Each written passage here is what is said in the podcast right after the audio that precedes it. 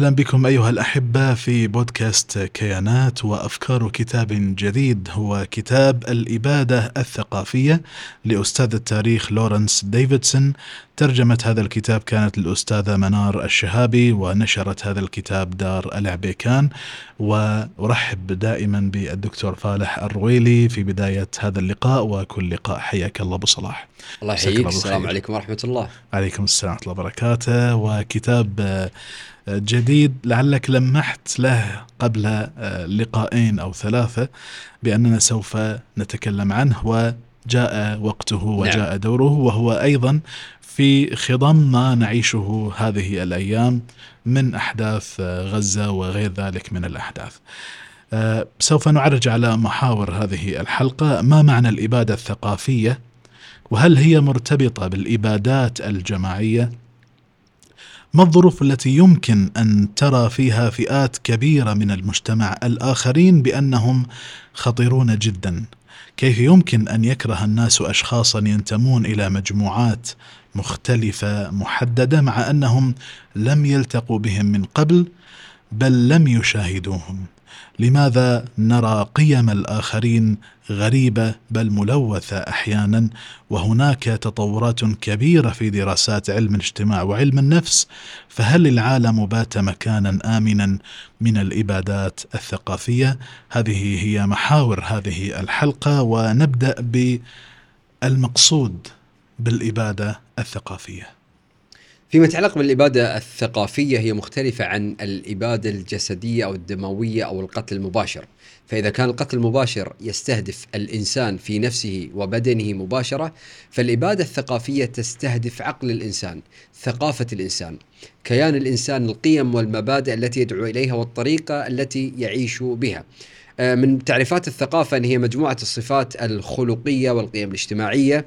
التي تؤثر في الفرد منذ ولادته والتي تصبح لا شعوريا العلاقة التي تربط سلوك الفرد بنمط وأسلوب الحياة في الوسط الذي يعيش فيه. نعم. أحيانا تعرف الثقافة من منظور آخر هي المحيط الذي يشكل فيه الفرد طباعه وشخصيته حسب مالك بن نبي.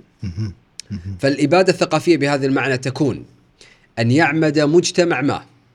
عندنا مجتمع معين هذا المجتمع يقوم قاصدا قاصدا بإضعاف وتدمير القيم والمبادئ والمعتقدات والممارسات الثقافية لمجموعة أو أقلية موجودة في داخل هذا المجتمع أو قريبة من هذا المجتمع. إذا في عندنا طرفين هنا عندنا الطرف المهيمن القوي الذي يمتلك القوة الصلبة وهناك طرف أضعف قد يكون أقلية أو طرف طرف مستضعف لا يملك أي أداة من أدوات القوة الصلبة حتى لو كان أعدادهم كبير. فالطرف الأول يسعى متعمدا وقاصدا إلى إبادة كل ما يمت إلى ثقافة الطرف الآخر تماما.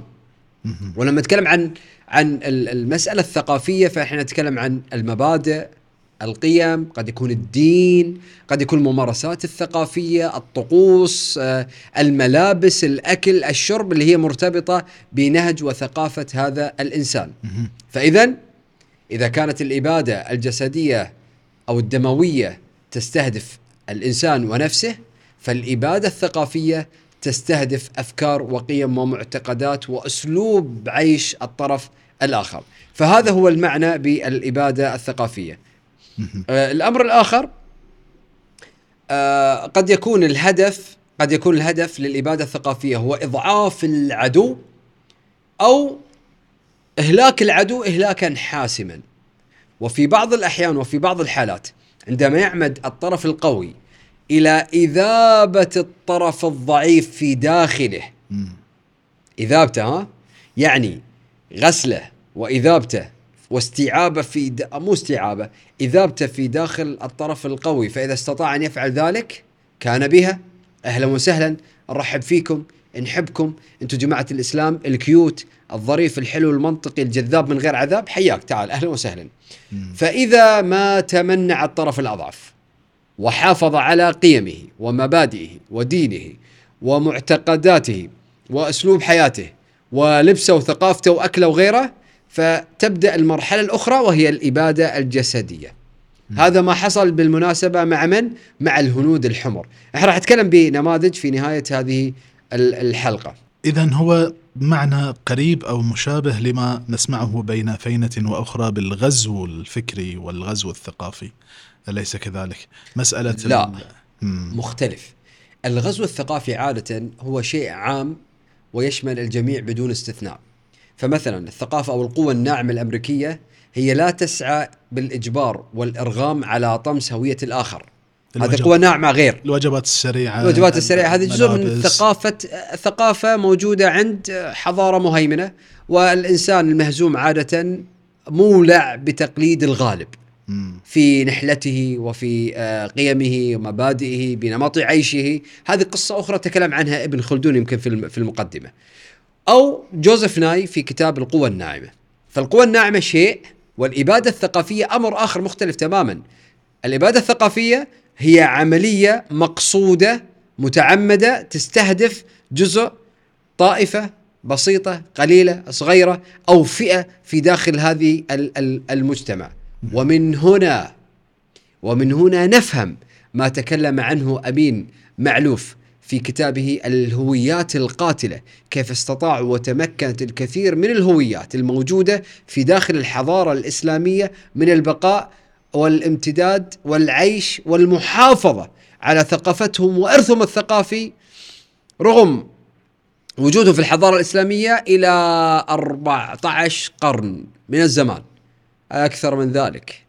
راح تلاقي أن بعض ال- ال- العرقيات الموجودة اللي هي اللي هي مسلمة أصلا. نعم. مثل ال- الأتراك مم. الأكراد الأمازيغ وغيرهم. راح تلاقيهم لا زالوا لغاية اليوم محافظين على ثقافتهم وإرثهم الثقافي. صحيح. لغاية اليوم. الأمازيغ لديهم لغة أكثر من 2000 عام من 3000 عام ولا زالوا يستخدمون رموزها وحروفها. ممارساتهم الثقافية لا زالت موجودة لغاية اليوم في المغرب العربي. الأكراد والأتراك كذلك لا زالت لديهم ملابسهم ثقافتهم موسيقاهم آه، أشعارهم رسومهم كلها موجود. ليش؟ لأن الإسلام لا يهدف إلى طمس ثقافة الآخر نعم. أو هوية الآخر أو تراث وثقافة الآخر بل يعززها ويستوعبها في داخل منظومة وإطار أوسع وأكبر هو الإسلام ككل. فمن ذلك نفهم عظمة الإسلام. اللي اللي ظهرت عندنا بعض الجماعات بعد إحنا عشان نقول اللي عليك واللي اللي لك واللي عليك. فظهرت لدينا بعض الجماعات. الجماعات المتطرفة اللي حاولت أن تنكل وتقضي وتطمس ثقافة المناطق اللي سيطرت عليها كما حصل في ما يسمى بتنظيم الدولة الإسلامية أو داعش في فترة آه، في آه، تقريبا العشر سنوات الماضية أو في فترة معينة في منطقة سوريا والعراق. نعم. طيب. ما هي الظروف التي يمكن أن ترى فيها مجموعات كبيرة في المجتمع بأنها يعني آه، تواجه خطرا من مجموعة أو فئة قليلة من الناس؟ هذه حتى نجيب على هذا السؤال هو كان إحنا نسأل السؤال التالي. هل ممكن للإنسان الطيب ال cute المحترم الجميل اللي يشرب ريدبول وباربيكان وعنده جوانح يستخدم يستخدم شامبو Pert Plus و Clear للرجال ويسوي ويشرب كرك؟ هذا الإنسان الحلو لا اللي يشرب كرك مستحيل يسويها خلينا خلينا على على على الريدبول وغيره أيوة. هل ممكن لهذا الإنسان أن يقبل أو يمارس الإبادة الثقافية بحق غيره؟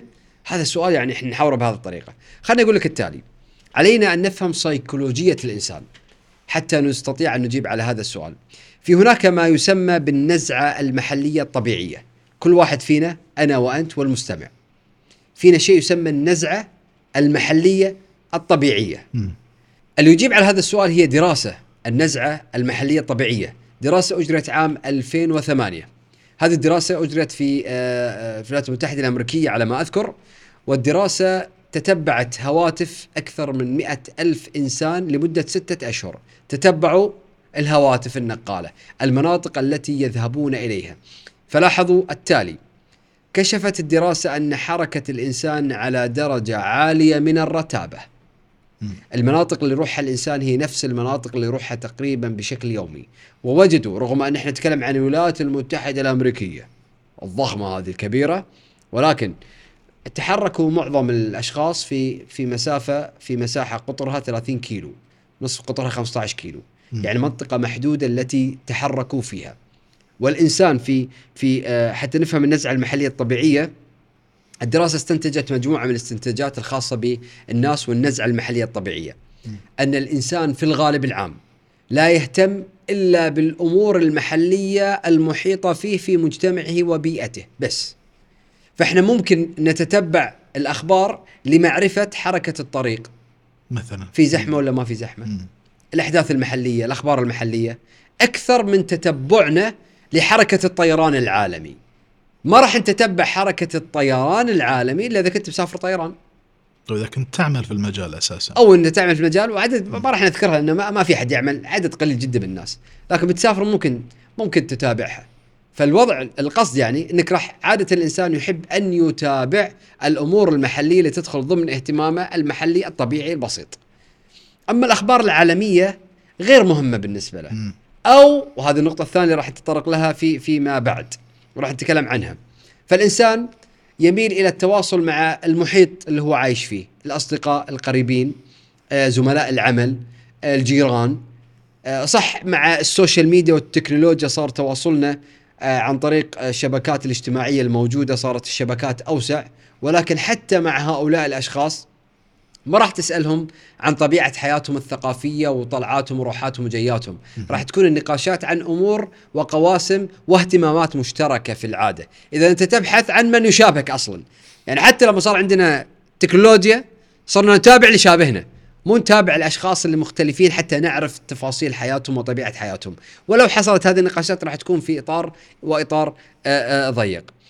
آه، ال- النزعة المحلية من طبيعتها إن أن تجعل الإنسان عادة يستبعد بقية العالم عن اهتماماته وعن بحثه المعمق للحصول على معلومات معمقة. مم. فهو لو سمع أي معلومات راح يصدقها كما هي. لن يكون لديه سعي أو جهد أنه يا أخي يتعرف على المعلومات بشكل دقيق. راح أذكر لك مثال بعد شوي عن عن هذه النقطة تحديدا. آه، آه، في عالمة نفس معرفي اسمها آه، كيث أوتلي تقول كان لدى أجدادنا القدماء نزعة إلى معاملة المجموعات التي لا تنتمي إليها باحتقار وأحيانا بالعدوان القاتل. فالإنسان ينظر إلى الآخر نظرة ريبة ونظرة خوف ونظرة توجس. هذا جزء من من ماذا؟ من سيكولوجية الإنسان. حتى نفهم كيف يمكن استغلال هذه السيكولوجية فيما بعد من خلال بعض التكنيكات التي يتم عليها. المثال والقصة اللي راح أذكرها. في بداية أزمة آه، غزة والمطحنة اللي صايرة هناك والمجزرة والإبادة ال- الجماعية اللي قاعد تحصل في غزة مم. التقيت بصديق كندي. فصديق الكندي كان يقول لي يقول لي يا أخي أنتم العرب عاطفيين. عاطفيين؟ إيش إيش موضوعكم يعني؟ واضح يعني في اعتداء على على على إسرائيليين الطيبين الكيوت الحلوين ال- الجميلين الدلوعين من هذيل المتوحشين المتغطرسين الإرهابيين اللي راحوا. وقاتلوا وسيطروا وكوشوا. فهي حرب يعني ليش ليش يعني ماخذين الأمور بحساسية مفرطة يعني؟ كان الحديث في بداية بداية المطحنة هذه والمجزرة كان بهذا الشكل. بعد ثلاثة أسابيع التقيت فيه نفسه. فقال لي ممكن أكلمك؟ قلت له هيا عليك تفضل. فقال يا أخي كندي ها؟ مم. قال أنا الفترة الماضية بعد تصاعد الأحداث ولاحظت إن في المجتمع البحريني مشغلة الشعب والناس والكل يتكلم فيها فحبيت إني أثقف نفسي في الموضوع وأتعلم شوي. جميل. فيا أخي انصدمت من اللي عرفته. انصدمت. اكتشفت إن اللي يحصل في فلسطين بعد مو في غزة في فلسطين كبرها. هو أمر مشابه لما فعلناه نحن الكنديون للسكان الأصليين في كندا عندما أبدناهم وقتلناهم وأخرجناهم من ديارهم وجوعناهم وعطشناهم وأبدناهم إبادة غير إنسانية وأقمنا مدارس وكل فترة ترى السنوات الماضية بدأت تطلع فضايح لمدارس كانوا يأخذون فيها أبناء السكان الأصليين فوجدوا رفات لمئات الأطفال في هذه المدارس. شيء غير متصور شيء خارج نطاق الحس الإنساني والبشري. يا متحضرين تأخذون الأطفال حسبي الله ونعم الوكيل وتسوون لهم مدارس عشان تحضرونهم. تحضرونهم ها؟ وهي للإبادة الثقافية. الحين نفهمها إحنا. الإبادة الثقافية حتى تغيرون معتقداتهم وثقافتهم ودينهم وتدخلونهم في في معتقداتكم الدينية. فلما ما استجابوا مئات الرفات مئات الرفات يا. لأطفال أطفال انتزعوا من أسرهم. فيقول طلع اللي يصير في فلسطين نفس اللي إحنا سويناه في كندا وإحنا الحين الآن نريد تعويض السكان الأصليين عن ما حصل معهم فبدأنا نضيف الموضوعات هذه في المناهج وبدأنا نرسل الاعتذارات وقصص الحب والصور والرسمات والمقالات ونقول إحنا لقد آذيناهم لكن ولا يمكن أن نعوضهم عن كل الجرائم التي قمنا فيها من إبادة في حقهم. أنا اليوم اكتشفت وهذه النقطة الجوهرية. قال لي يا أخي إحنا هناك اكتشفت إن إحنا هناك إحنا ما يهمنا ما يحصل في منطقة الشرق الأوسط، النزعة المحلية. الطبيعية. النزعة المحلية الطبيعية، إحنا ما يهمنا اللي يحصل في الشرق الأوسط، آخر اهتماماتنا. آه يا إن شاء الله ولا مكسرين بعض ولا ماكلين بعض، إيش يهمنا يعني؟ قضيتي كانت فإحنا كنا نأخذ المعلومات من أين؟ من الإعلام، الإعلام اللي بث عندنا، الإعلام اللي وقال لي إحنا نظن إن إحنا إحنا جهات يعني إحنا دولة ليبرالية حرة. اكتشفت إن هذه واحدة من أكبر الأكاذيب اللي إحنا نعيشها. طبعا راح أفسر لك أنا هذه النقطة ليش تحصل بهذه الطريقة أثناء أثناء السرد. نعم. بعد شوي يعني بالسؤال اللي راح تسألني إياه تاليا إن شاء الله. أو انت حاب تسألني إياه. فالمهم يقول اكتشفت إن المعلومات اللي تأتينا هي معلومات مضللة. معلومات غير واقعية غير حقيقية تصور لنا الضحية على أنه الارهابي المجرم. صاحب الأرض أنه المغتصب وتصور لنا المغتصب والمجرم والقاتل على أنه الضحية البريء نعم. وهنا يتساوى ال- الجلاد بالضحية طبعا. عند بعدين تعرف شو يقول لي؟ يقول لي أنا اكلمك وأنا في عيون الدمعة. أنا متأثر جدا كيف صدقنا اللي كنا نسمعه.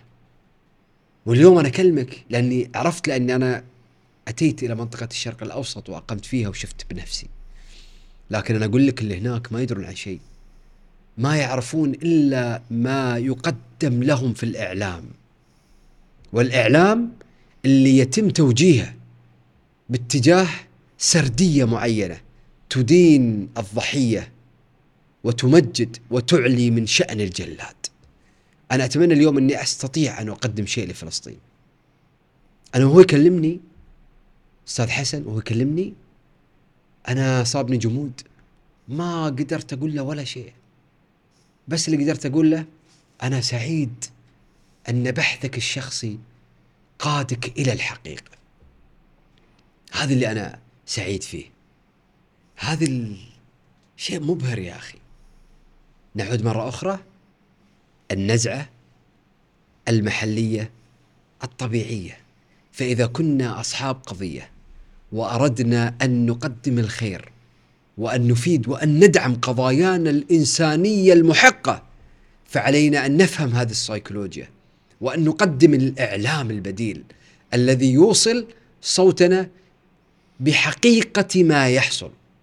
وأنا سعيد جدا اليوم أن في كثير من البرامج اللي تحاول أن تعيد القصة والسردية إلى نقطة البدء وليس من 7 أكتوبر.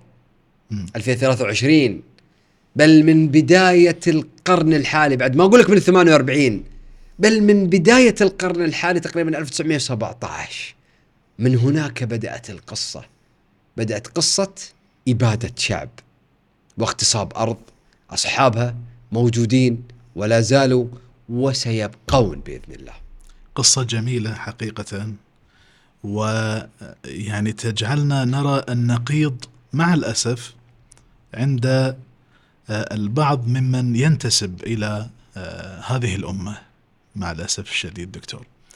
يعني مسألة ال- النزعة المحلية الطبيعية التي ذكرتها متطرقة حتى في بعض أبناء جلدتنا ون- ونشاهد ونقرأ وحتى يعني نسمع البعض منهم يتكلم بهذه الطريقة. إنها ليست يعني قضية تخصني يعني. أنا أنا علي ب ب ب بإقليمي أو أو بمنطقتي فقط هذه هذه النزعة المحلية لن أعتبرها نزعة أنا راح أختلف معك هذه ليست نزعة محلية طبيعية لا يمكن أن نقارنها لا، لا، لا. بال بال لا. لا مستحيل أن تكون يستحيل أن تكون عربي ومسلم وعندك أبجديات وبديهيات بسيطة أن لا تدرك من هو صاحب الأرض الأصلي. من المستحيل أن تكون مسلم وما قرأت سورة الإسراء. مستحيل أن تكون مسلم ولم تقرأ ولم تقرأ قصة الإسراء والمعراج. ولم تعرف سيرة عمر بن الخطاب رضي الله عنه.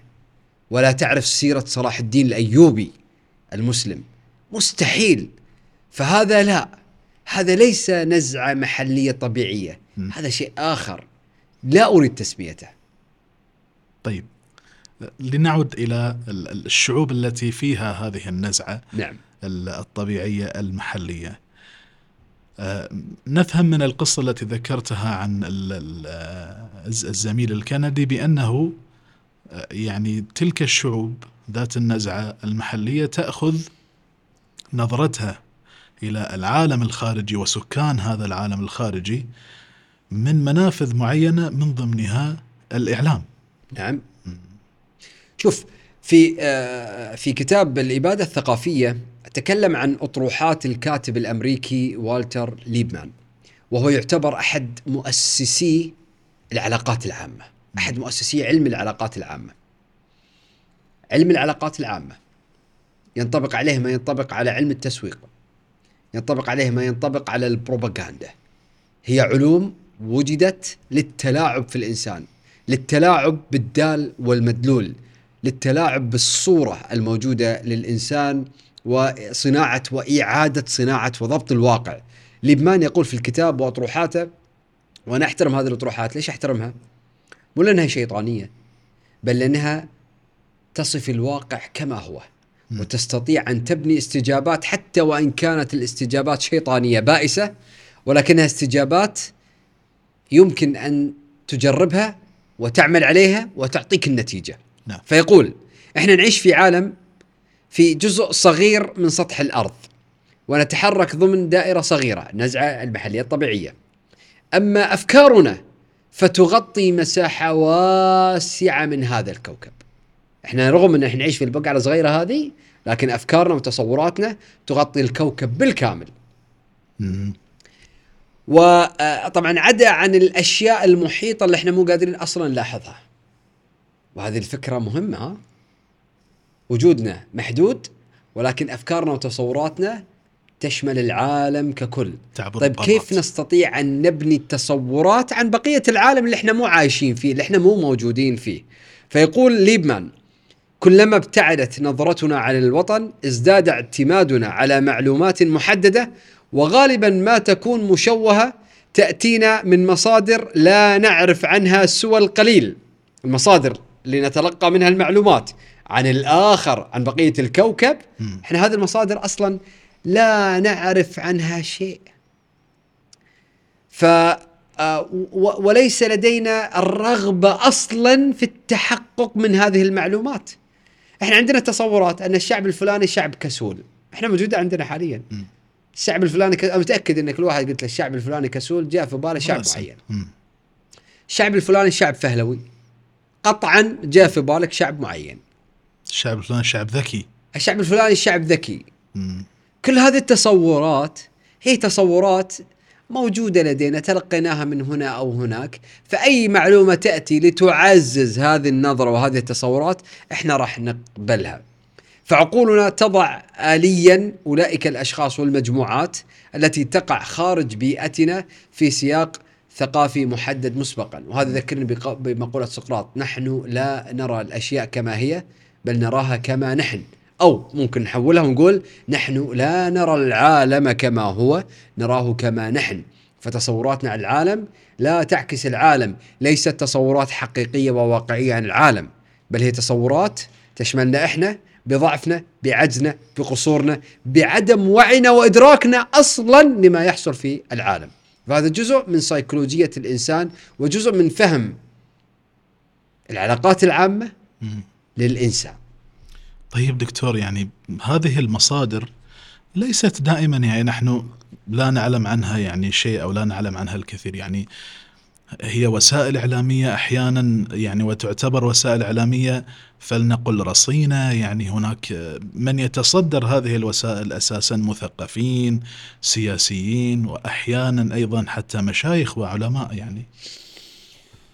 آخ على السؤال السؤال الجميل والسؤال اللي يفتح عندك شجون. كتاب إدوارد سعيد الآلهة التي تفشل دائما. واللي لا ترجمات ال- العنوان خيانة المثقفين.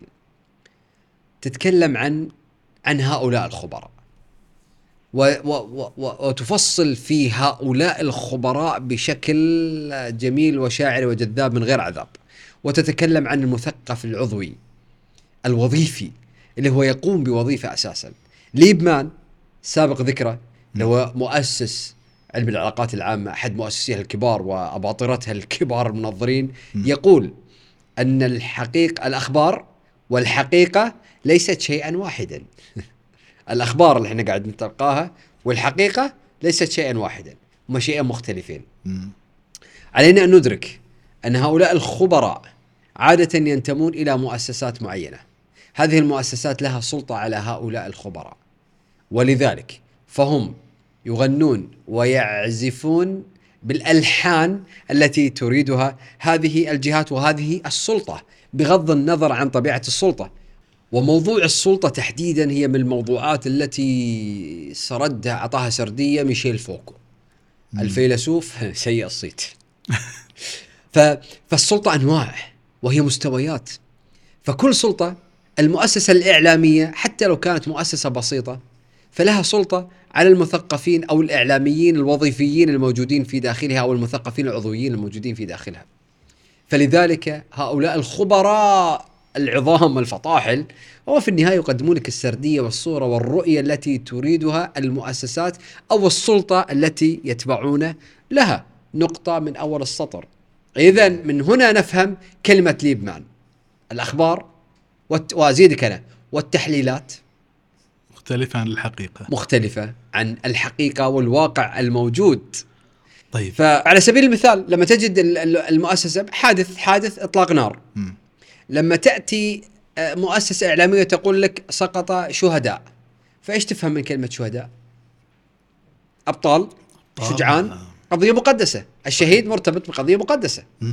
قد تكون الوطن قد تكون الدين قد تكون أي شيء. المهم شيء مقدس. لكن لما تقول لك سقط قتلى آه هنا لا الو- الوضع مختلف. وضع فقتلى هناك قتيل والقضية ما لها معنى. وهناك مثل كلمة سقط ضحايا إذا في ضحايا وفي مجرم. هناك مجرم. في مجرم معين. فحتى استخدام يعني على هو خبر نفس الخبر لكن طريقة الصياغة تقدم لك مدلولات وتصنع عندك صورة نمطية مختلفة تماما عن كل شيء. لما أقول لك الآن إرهابي ما هي مدلول الكلمة عندك؟ قطعا في صورة معينة راح تظهر لك ما راح أتكلم عنها هذه الصورة ارتبطت بما يقدمه الإعلام لنا صحيح. لكن لن تظهر في بالك صورة سياسي إسرائيلي مثلا. أو جندي إسرائيلي لما تقول إرهابي ما راح تصدر عندك هذه الكلمة ليش؟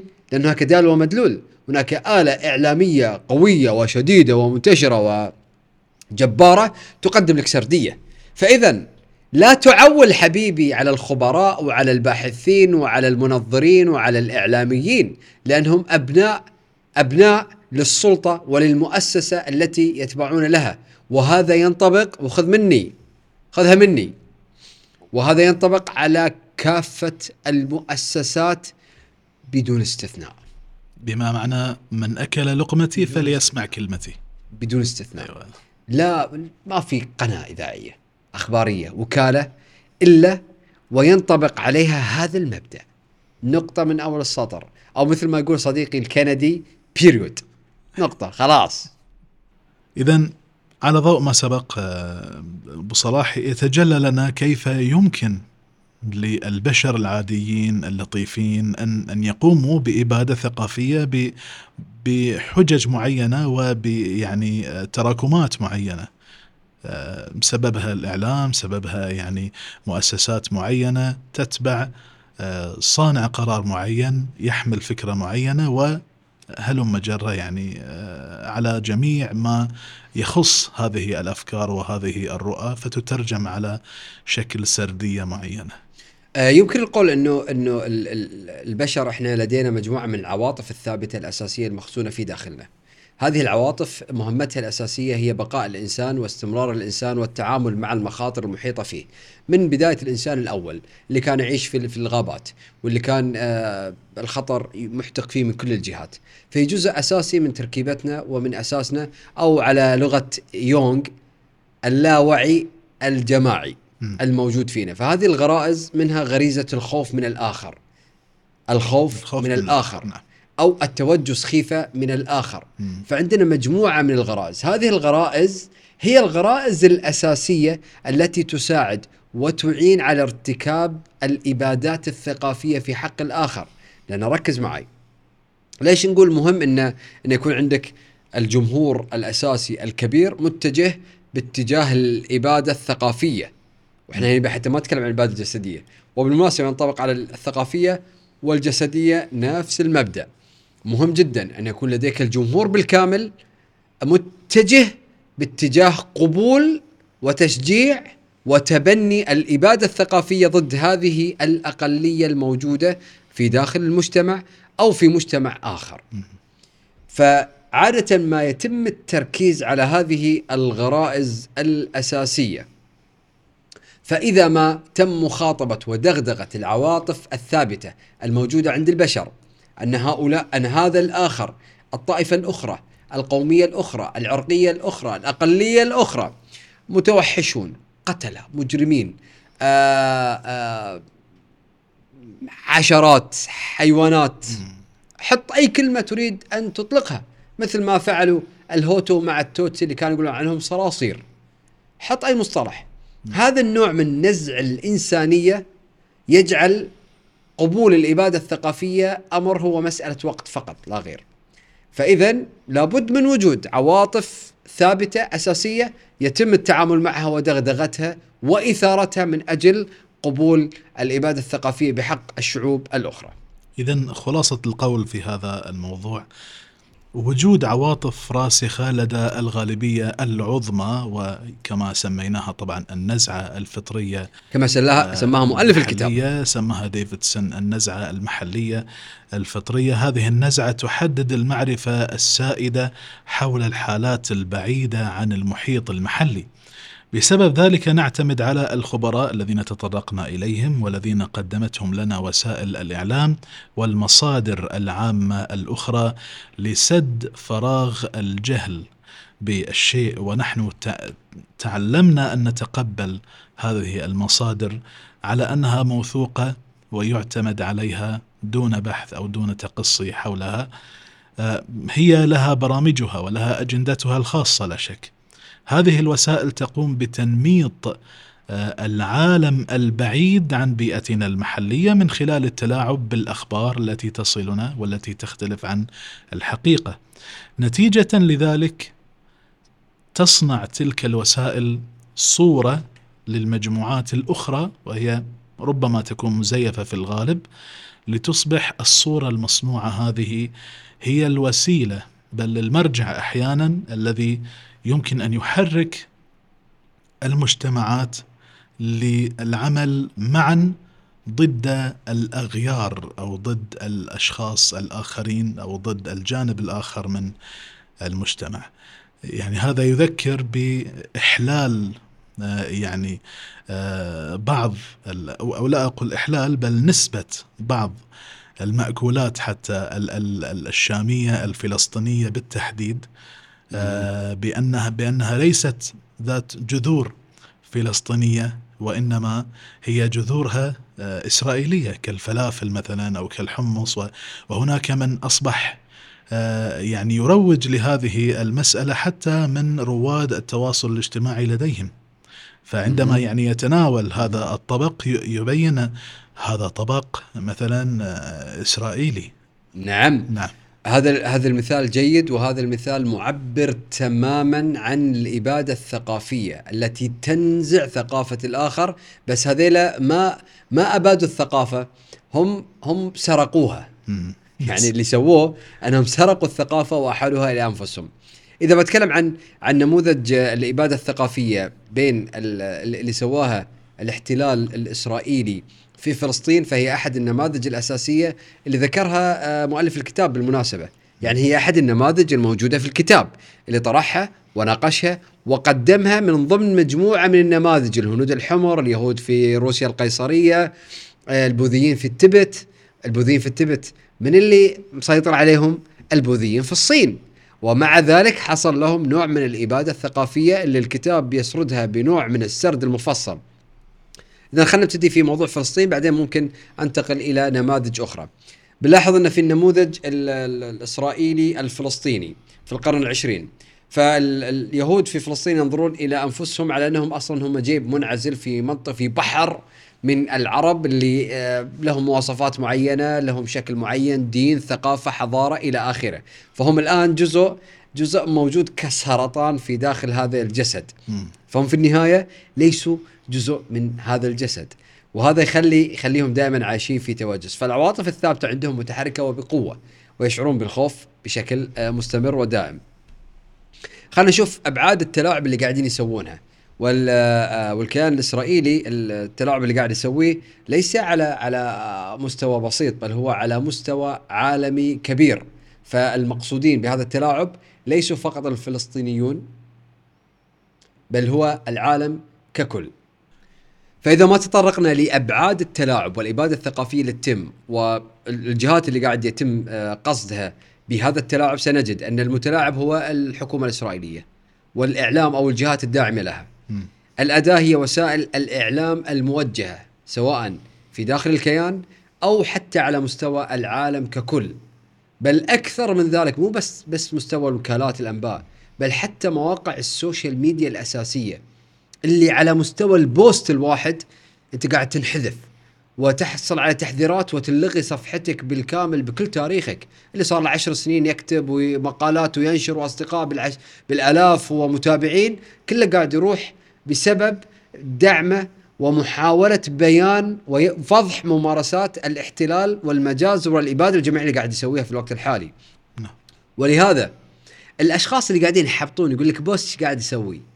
يا حبيبي يا بعد قلبي لو هذا ال post ما له قيمة ليش الكوكب كله قاعد يلاحق هال post ليش الكوكب كله قاعد يشطب ال post ليش الكوكب بالكامل قاعد يحضر مثل هذه البوستات لا ال post مهم وإيصال الصورة والفكرة مهم والناس بحاجة أن تسمع الرواية الأخرى، الصورة الأخرى المقابلة كما ذكرت لك قبل قليل في صديقي الكندي. نعم. ومن هو الجمهور المتلاعب به؟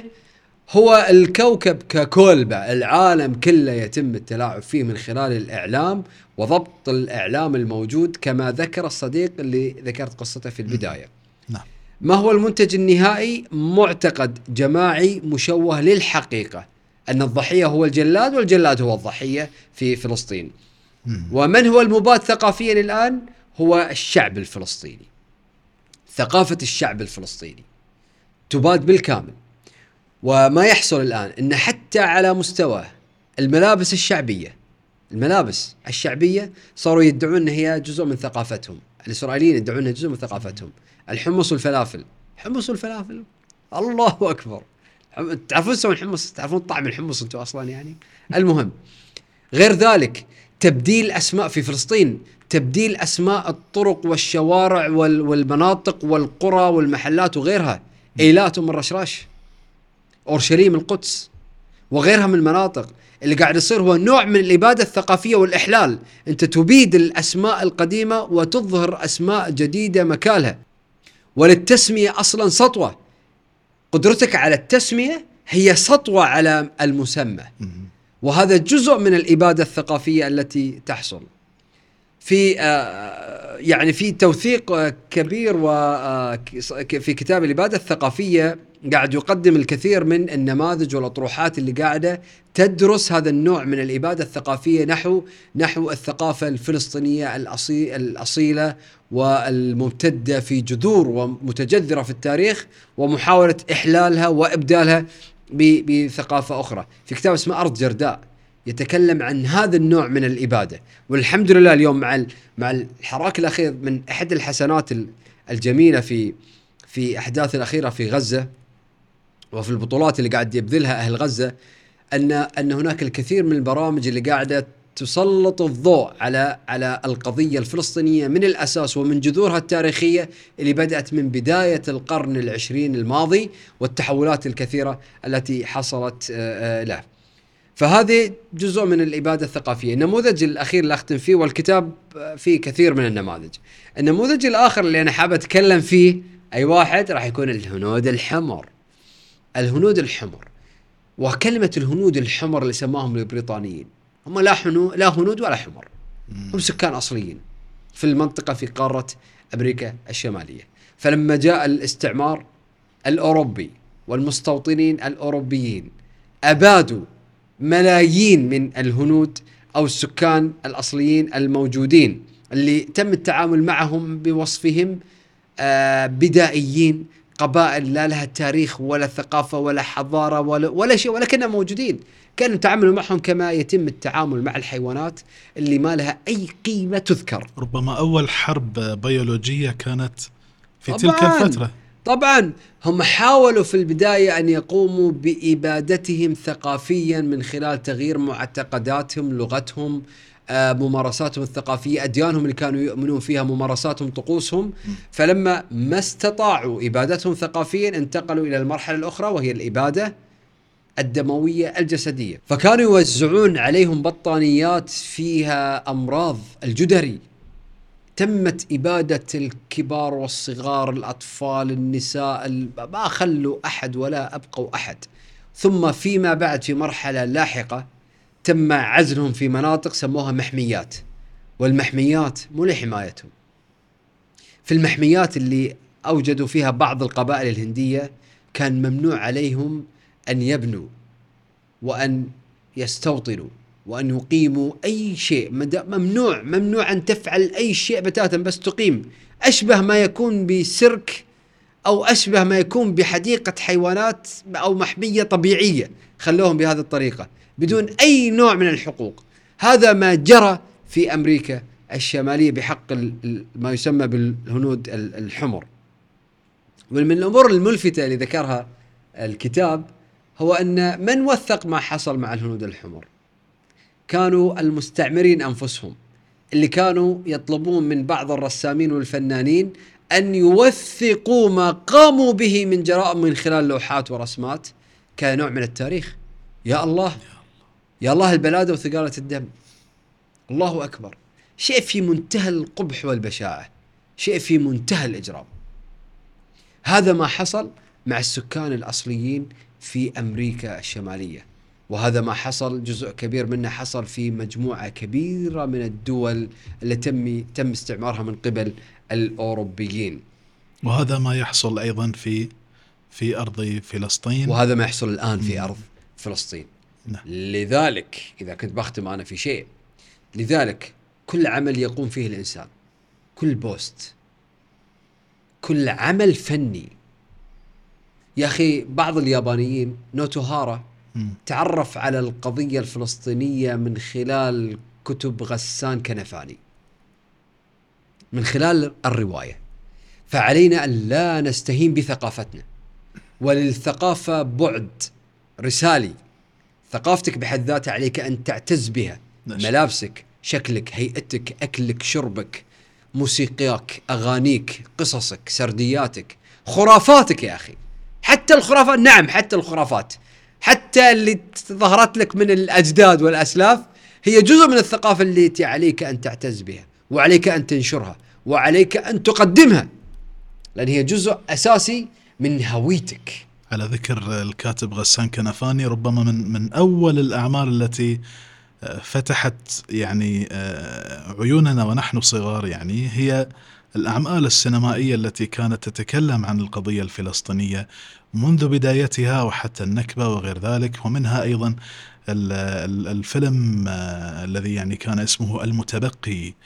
ويعني هذا الفيلم صور فعلا كيف أن يعني آه، الجنود ال- البريطانيين في الانتداب البريطاني قد يعني انزاحوا من تلك الأرض حتى يجيء مكانهم في مشهد آه، ما زال محفورا في الذاكرة. مشهد المستوطنين الإسرائيليين وهم يحلون محل آه، ال- ال- المستعمر الذي مضى. وهم يسمون أيضا هذه الحقبة به- بحرب الاستقلال أيضا. طبعا امعانا هذا جزء الحين إحنا نفهم نفهم كل الأحداث اللي تحصل من زاوية كتاب الإبادة الثقافية. مم. هو يقدم سردية وقصة تامة. هو يقدم لك ثقافة بديلة. هو يسرد عليك القصة من الألف إلى الياء. لا يترك مجالا للصدفة يقدم كل شيء. ولكن الأمل الجميل رغم كل البشاعة التي تحدث في الوقت الحالي رغم كل الجرائم والإبادة رغم القتل الذي طال تقريبا ست آلاف طفل ست آلاف طفل الانتصارات التي حققوها على الأطفال والنساء على المساجد المستشفيات دور العبادة. ثالث أقدم كنيسة في في العالم موجودة في غزة تم تدميرها بالكامل. هذه الانتصارات اللي اللي حققوها والانتصارات العظيمة الجبارة ما شاء الله. أهداف استراتيجية. أيوه ال- الأهداف الاستراتيجية. كلها سقطت مع لقطات إنسانية عفوية بسيطة. ذلك الجد الذي كان يحتضن الحفيدة. الحفيدة روح الروح. هذا الموقف بس كيف غير العالم؟ إحنا نسجل هذه الحلقة الآن راح تبث فيها فيما بعد لكن السي ان ان قدمت تقرير عن هذا الجد وتكلمت عن آلام وتجربة وموقف هذا الجد في هذا الموقف الإنساني العظيم اللي اهتزت له الدنيا وما فيها. هذا الموقف الإنساني هذا الموقف كم يسوى؟ كم هو يسوى في ثقل ال- المشاعر الإنسانية؟ وفي ثقل الرسالة الإنسانية. هؤلاء هم هؤلاء هم الأهداف اللي قاعدين تستقوون عليها. لذلك أرض فلسطين لن تزول.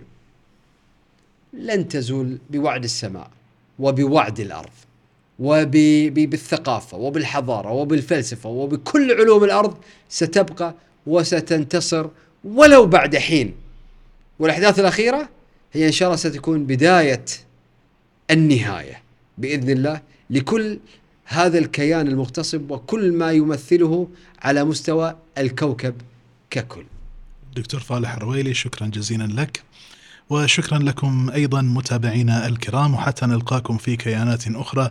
لكم من محدثكم حسن الساعاتي ومن فريق عمل مساحة أجمل تحية. والسلام عليكم ورحمة الله.